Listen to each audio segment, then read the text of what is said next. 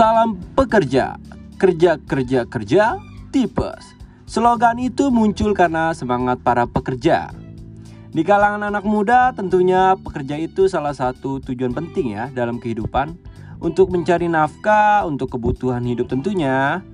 Nah, everyone and paranoid semua, kali ini kita akan membahas tentang budak korporat.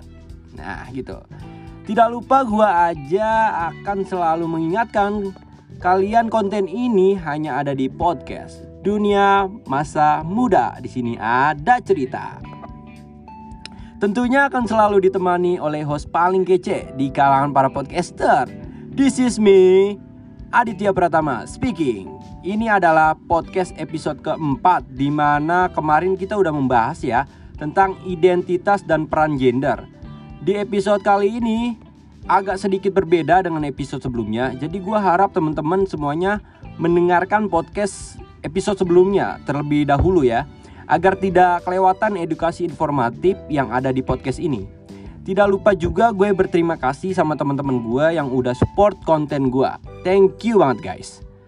Dengan penuh lelah, ngantuk, lapar, kita lewati sebagai pekerja di mana kita dengan sepenuh hati menjalani aktivitas yang begitu menguras tenaga, pikiran, dan waktu untuk kita kepada perusahaan. Tidak banyak pula masalah yang terkadang timbul ya di dunia bekerja, entah dari atasan, pekerja, atau pekerjaan kita lah gitu. Bahkan mungkin rekan kerja kita gitu. Kita sebagai budak korporat tidak nanggung-nanggung dalam melakukan segala hal.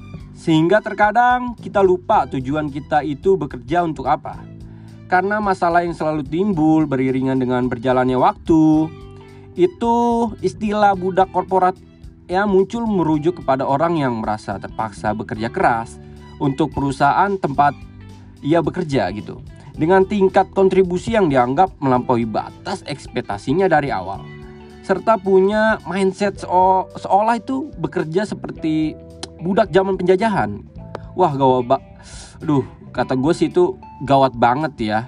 Dengarkan ini anak muda. Hey anak-anak muda, asal kalian tahu, banyak di luar sana teman-teman kita yang nganggur, susah nyari kerja, untuk mencari sesuap nasi aja susah gitu. Kalian yang diberi amanat, posisi itu banyak mengeluh, bahkan terkesan tidak mensyukuri karunia Tuhan. Jadi mulailah berpikir jalani amanat itu dengan sebaik-baiknya. Nanti kalian akan menyesal jika kalian sudah tidak bekerja lagi atau kena PHK atau bisa jadi pemerintahan sepihak banyak loh faktornya. Jadi nikmatilah masa bekerja kamu atau dengan hasil kerja kamu kamu bisa buat karya, investasi, nabung atau sekedar membahagiakan orang terkasih. Wah itu lebih bermakna dalam hidup lo. Jadi ketika lu berhenti nggak ada ya penyesalan dalam diri lu. Kesimpulannya budak korporat itu nggak hina-hina banget kok. Itu justru sangat mulia ketika lu bekerja untuk menafkahi keluarga atau diri lu sendiri begitu. Nah mungkin itu aja sih yang kita bahas kali ini. Buat kalian yang punya saran, tips, atau kritik bisa lang langsung aja gitu. Kalian DM IG gua aja di @aditya underscore pratama 2 Dan terima kasih sudah mendengarkan Jangan lupa follow atau subscribe, like, comment, dan share channel podcast ini. See you next episode. Bye.